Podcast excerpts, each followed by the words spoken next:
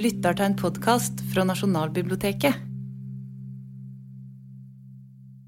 Hei, jeg heter Gunhild Øyhaug. Jeg er forfatter og litteraturviter. Og i dag skal jeg holde et bitte lite foredrag om et punkt i norsk kulturhistorie som jeg tror har prega en hel generasjon. Og om det ikke har prega en hel generasjon, som det vel også er mulighet for, så håper jeg at nye generasjoner plukker det opp. Foredraget har tittelen 'Jeg vil ikke høre mer om den dama på det skjæret', og hvorfor vil du straks forstå. Saka er nemlig den at inne i hovedet mitt har det siden begynnelsen på 80-tallet funnes en novelle, eller det er visst en romanse, der det finnes ei ung pike som har blitt forlatt på et skjær.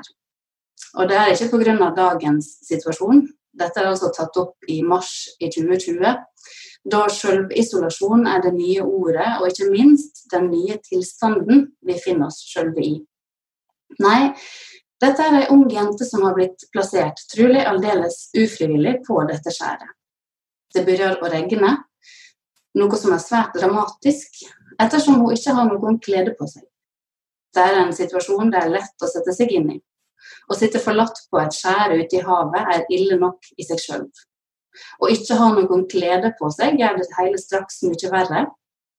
Og at det attpåtil begynner å regne, forverrer situasjonen ytterligere. Ingen av oss hadde hatt lyst til å sitte forlatne midt ute på havet på et lite skjær uten klede når det begynte å regne, og det ikke fantes noe vi kunne beskytte oss med, legge oss under, ingen avis, ingen paraply osv., og, og vi mest trolig ville komme til å bli veldig forkjøla og kanskje stryke med. Det er en håpløs situasjon for henne, som det blir sagt. Novella, eller romansen, heter 'Forsoning'.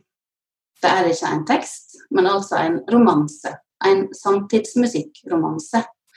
Enda mer nøyaktig er dette verket 'Forsoning' noe av det mest elementære og grunnleggende en må kjenne til dersom en skal studere norsk samtidsmusikk påstår pianolæreren i det som jeg av mangel på andre nevninger bare må kalle verket, men som jeg kanskje kunne ha kalla songen eller sketsjen, men like gjerne kunne ha kalla genistreken av Eivind Solås og Trond-Viggo Torgersen. Pianotimen finnes på det som før var en LP, altså en plate, eller også på en kassett, men som nå finnes tilgjengelig på strømmetjenester, og som heter enkelt og greit Eivind og Trond-Viggo. Eivind og Trond-Viggo kom ut i 1979. Det er uvirkelig lenge siden. Jeg var fire år da denne kom ut, men hørte den først noen år seinere.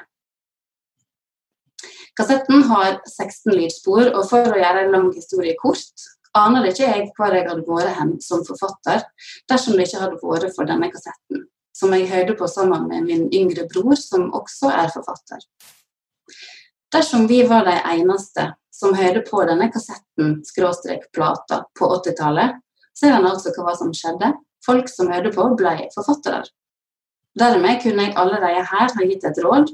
Skal du bli forfatter, hør på Eivind og Trond-Viggo, og så vips.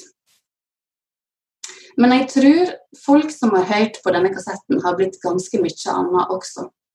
Jeg tror også at hos mange av de som har hørt denne kassetten, har han blitt værende som et glødende lite maskineri langt inne i medvitet. Nå har du i alle fall sjansen, hvis du ikke har hørt dette før, til å få utvida horisonten. Og i tilfelle vil jeg egentlig ikke anbefale å høre på dette foredraget først, ettersom det er et stort og litt trist gap i form mellom foredraget som form og alt som hender på plata Eivind og Trond-Viggo, med mindre jeg skulle ha skrevet foredraget i samme ånd som er innpoda i alle de karakterene som snakker i løpet av de 16 lydsporene. Til restaurantpianisten, skuespilleren, lyrikkelskeren eller hypokonderen, eller eventuelt den hissigpedagogiske pianolæreren i pianotimen. Men det skal jeg ikke. Jeg skal skrive videre på dette foredraget med vissheten om en sterk dissonans i form, og med like mye mot vilje, kraft og egenskaper helt utenom det vanlige osv. Som tanta til han i stykket 'Broen' på samme plate. Denne tanta gikk ut på ei bru som alle unntatt tanta visste at var pill råtten. Hun falt i fossen og ble senere redda, sovende av et postbud. Det eneste jeg ser som et mulig problem med å skrive dette foredraget, er at jeg kan le meg i hjel før foredraget er ferdig, fordi jeg må høre på disse sangene om igjen. Og for å være helt ærlig, jeg hadde glemt akkurat hvor bra dette var. Nå har jeg sittet inne på dette vesle kontoret mitt og ledd så det gjalla i veggene, mens resten av familien har prøvd å konsentrere seg om skolearbeid og PlayStation og så bortetter. Til saka. Pianotimen handler altså om en pianotime. Mange har vært borti en lignende situasjon. En kommer til pianolæreren med en slags indre drøm om å bli popstjerne. Men så må en til å spille Mozarts menuetter og lære fingersetting og skalaer og slikt. Dette er også utgangspunktet for den konflikten som utspiller seg i pianotimen. Trond-Viggo Torgersen spiller rolla som den sløve og litt sure tenåringen Per, som er på pianotime og gjerne vil spille noe som han sjøl liker, noe som fenger. Mens pianolæreren har snakka i det som viser seg å være 48 timer om norsk musikkhistorie. Og han synes for så vidt at det er rimelig, i tydinga menneskelig, at Per er litt trøtt, uten at det hindrer han i å legge intenst og hissig ut om dette spennende og interessante og grunnleggende verket som heter 'Forsoning', der det altså sitter ei pike forlatt på et skjær. Og innledninga høres slik ut.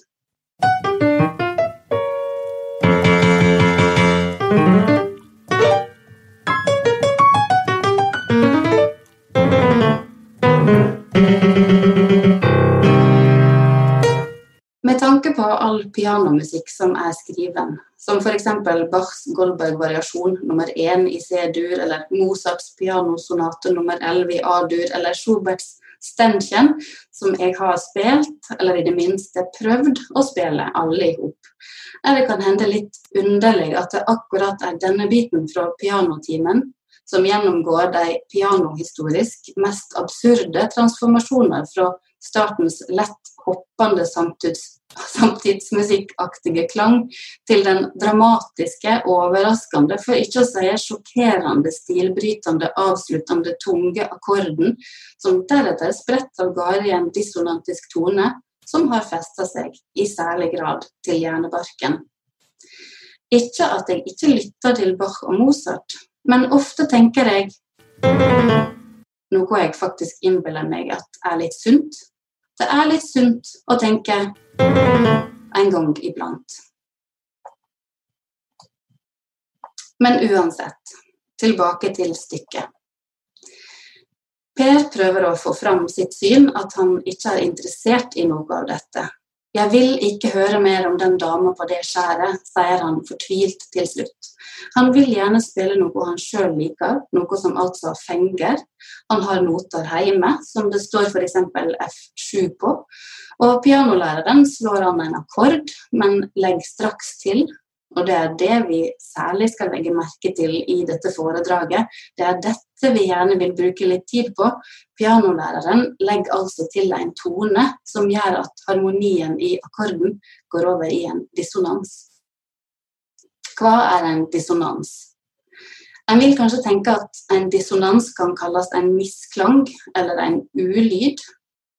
Men hvis en tenker på min egen utvikling som pianist et par sekunder, så vil en klart se at hovedet mitt ikke gjorde et særlig stort byks før jeg kom til Sjostakovitsj, eller det en klart ville ha sett dersom en kunne ha sett inn i hovedet mitt og se min nydelige pianokarriere spille seg ut framfor tilskueren i rask film gjennom 80-tallet og over i 90-tallet, der håret mitt på utsida vokste fra hockeysveis til store lugg, var at det største sjokket og den største utvidinga av forståinga av musikk kom da.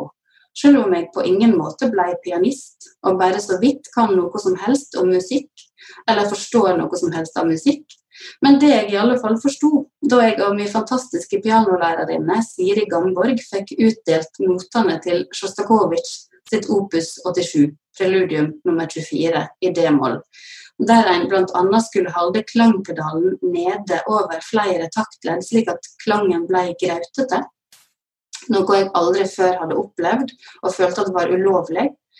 Og det fantes tilnærmet lik dissonans i klangbildet.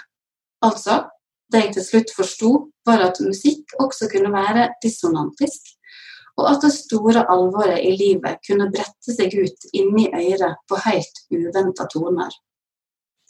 Jeg skulle virkelig ønske jeg kunne ha hatt pianolæreren i Eivind Solås form som voiceover på denne vesle filmen.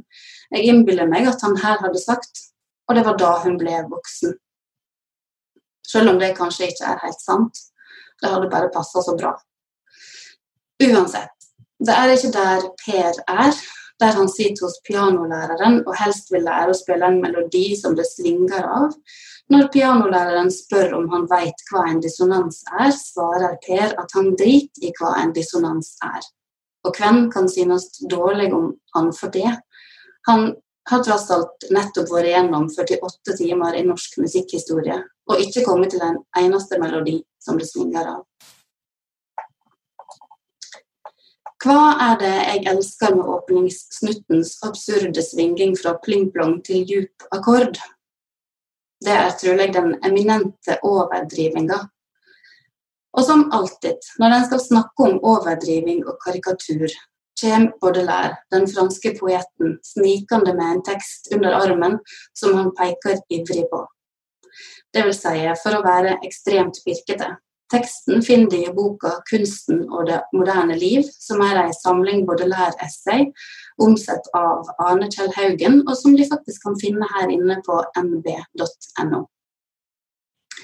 Baudelaire har, som de vet, i tillegg til å revolusjonere moderne poesi på slutten av 1800-tallet, skrive en tekst om karikaturtegning og latter i bildekunsten, som er så grunnleggende at skal en drive med noe som helst innen overdrivingskunsten på den akademiske fronten, er det umulig å ikke lese denne teksten, mener jeg.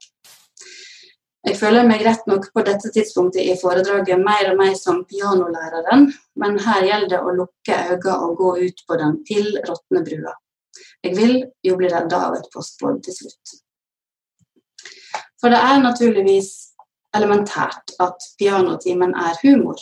Det er også elementært at verkemidler sangen nytter seg av, er et karikatur både av en overivrig og sjølvabsorbert pianolærer og en sjølvopptatt og sløv pianoelev, til dømes her. Men det er ikke rytme, ikke sant? Der, der, der, der. Hva mener du med der, der, der? Er det sånn du mener? Nei, jeg gjør ikke det. Og det er elementært at for å få til en karikatur, må en overdrive de trekkene som gjør at en kjenner dem igjen. Pianolæreren må være ekstremt doserende, og pianoeleven må være ekstremt sur og avvisende. I teksten om karikaturen som form skriver Baudelaire om en oppleving av en engelsk Pierrot, altså en klovn, som han en gang så i en pantomimeframsyning.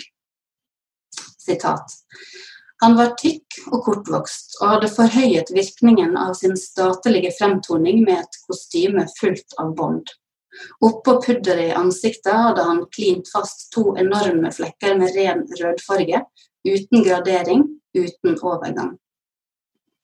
Ved hjelp av to karminrøde bånd som simulerte forlengede lepper, var munnen blitt forstørret, slik at når han lo, virket det som om kjeften gikk helt til ørene. Pierrot sin utsjånad er altså en overdriven menneskeutsjånad. Og slik er også oppførselen hans overdriven. Han rundstjeler ei vaskedame, tømmer lommene hennes, prøver så å putte svampen, kosten, bøtta og til slutt vannet i sine egne lommer. Og vips, der var foredragets andre mål oppnådd, nemlig å gi videre dette bildet av klovnen som prøver å putte først det mulige i lommene sine, den vesle svampen, men som til slutt prøver å putte det umulige i lommene sine, kosten, bøtta og til slutt vannet, som vi alle vet at vil renne ut av lommene til tjuven. Slik at om du kommer i utrengsmål en gang og ikke kan forklare hva en karikatur eller en overdriving er, så bare tenk på dette. Tenk på klovnen som prøver å stjele vannet, og så kan du si det kan tenkes at humoren er et resultat av en overdriving av et gjenkjennelig handlingsmønster, og at det på mange måter er umulig å si at humoren er et virkemiddel. Noe en liksom har plassert inn i hva det nå enn er en er beden om å tenke over. En tekst, en film, et kunstverk, et musikkstykke. Humoren er også en kunst og kan ikke skilles fra verken form eller innhold. Men alt dette visste du fra før, og det er unødvendig at jeg sier det om igjen. Det er naturligvis også overflødig å påpeke at en del av humoren i pianotimen også skriver seg fra det vi kan kalle dissonansen, eller bråtet på forventning. At det nesten alltid i humoren melder seg en tone som får en akkord som klinger så harmonisk, ut i en dissonans. F.eks. den nydelige dissonansen som melder seg når f.eks. restaurantpianisten på lydspor nummer åtte, som spiller en lett uhyggelig potpurri av ulik taffelmusikk, som han påstår er en parafrase av standardrepertoaret før kaffen, nekter å spille My Way, slik den dritings restaurantgjesten vil at han skal, på den vanlige måten, med at først og fremst må jeg passe på min kunst. Det er likevel ikke slik at jeg elsker pianotimen fordi jeg kan rope karikatur eller overdriving eller dissonanshurra, eller drage lær fram fra buskene eller holde foredrag om min egen brokete fortid som hobbypianist. Jeg elsker jo pianotimen pga. Eivind Solås og Trond-Viggo Torgersen. Og jeg elsker denne plata for måten disse karakterene bare plutselig er der, avløser hverandre og snakker i noen minutter om et problem, eller blir intervjua om hvordan det står til med f.eks. etterretningspolitiets etterforsking, eller gjør greie for forskjellen mellom Florø og Flora idet de er på vei for å hente en biff.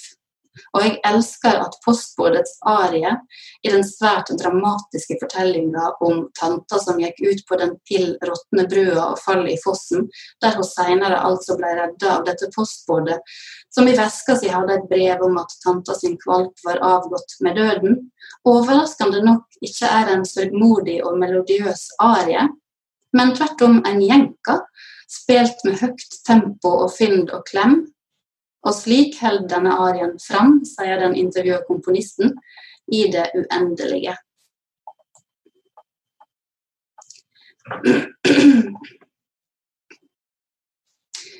Bror min og jeg har på ulike tidspunkt i våre liv ikke klart å la være å fortelle dette til Trond-Viggo Torgersen. Jeg lurer innimellom på hvor mange slike tilståinger han har fått, hvor mange som, når han kommer gående ikke anende forbi på fortauet, liksom bare hikser 'pianotimen' og rister lykkelige på hovedet. For det vi tenker på da, er f.eks. Eh, hvordan pianolæreren, når han skal prøve å overtyde den trøtte Per om at historien med jenta på skjæret er spennende, sier med innleving dette som beviser hvor dramatisk situasjonen er. Hvor dramatisk situasjonen er, nemlig det begynner å regne. Eller vi tenker på Per sin slentrende demonstrasjon av hva rytme det er han er ute etter. Og kan hende tenker vi også litt på sangen som kommer etter pianotimen. Nemlig det vi ser for oss er Per sin versjon av 'Dancing Queen', som vi på det aller sterkeste oppmoder alle om å lytte til etterpå. Det vi står der og tenker på, trippende på fortauet mens vi venter på å overfalle Trond-Viggo Torgersen med all vår entusiasme, er at vi slett ikke vet hvordan det hadde gått med oss hvis ikke vi hadde oppdaga Eivind og Trond-Viggo, en 16-sporskassett utgitt i 1979, og som en også kan få tak i som CD kledd i pels. Kan hende hadde vi da følt det som om vi satt ute på et skjær, mutters alene. Men nå slapp vi jo det. Takk for meg. Det, altså, man kan jo ikke oppdage en sånn historie uten å bli litt sånn i se og hør-modus, selvfølgelig. Dette er pikant. Rett på! Samlingene til Nasjonalbiblioteket så finnes det spor etter et helt hav av dunkle drama og glemte liv fra Norges historie. I podkasten Gamle greier så skal jeg, Askild Matre Vassare, fra det lille studioet midt i kjelleren under Nasjonalbiblioteket i Oslo, nøste opp de her mysteriene. Det er en voldsom kjærlighetshistorie, rett og slett. Abonner på Gamle greier gjennom den podkasttjenesten du bruker.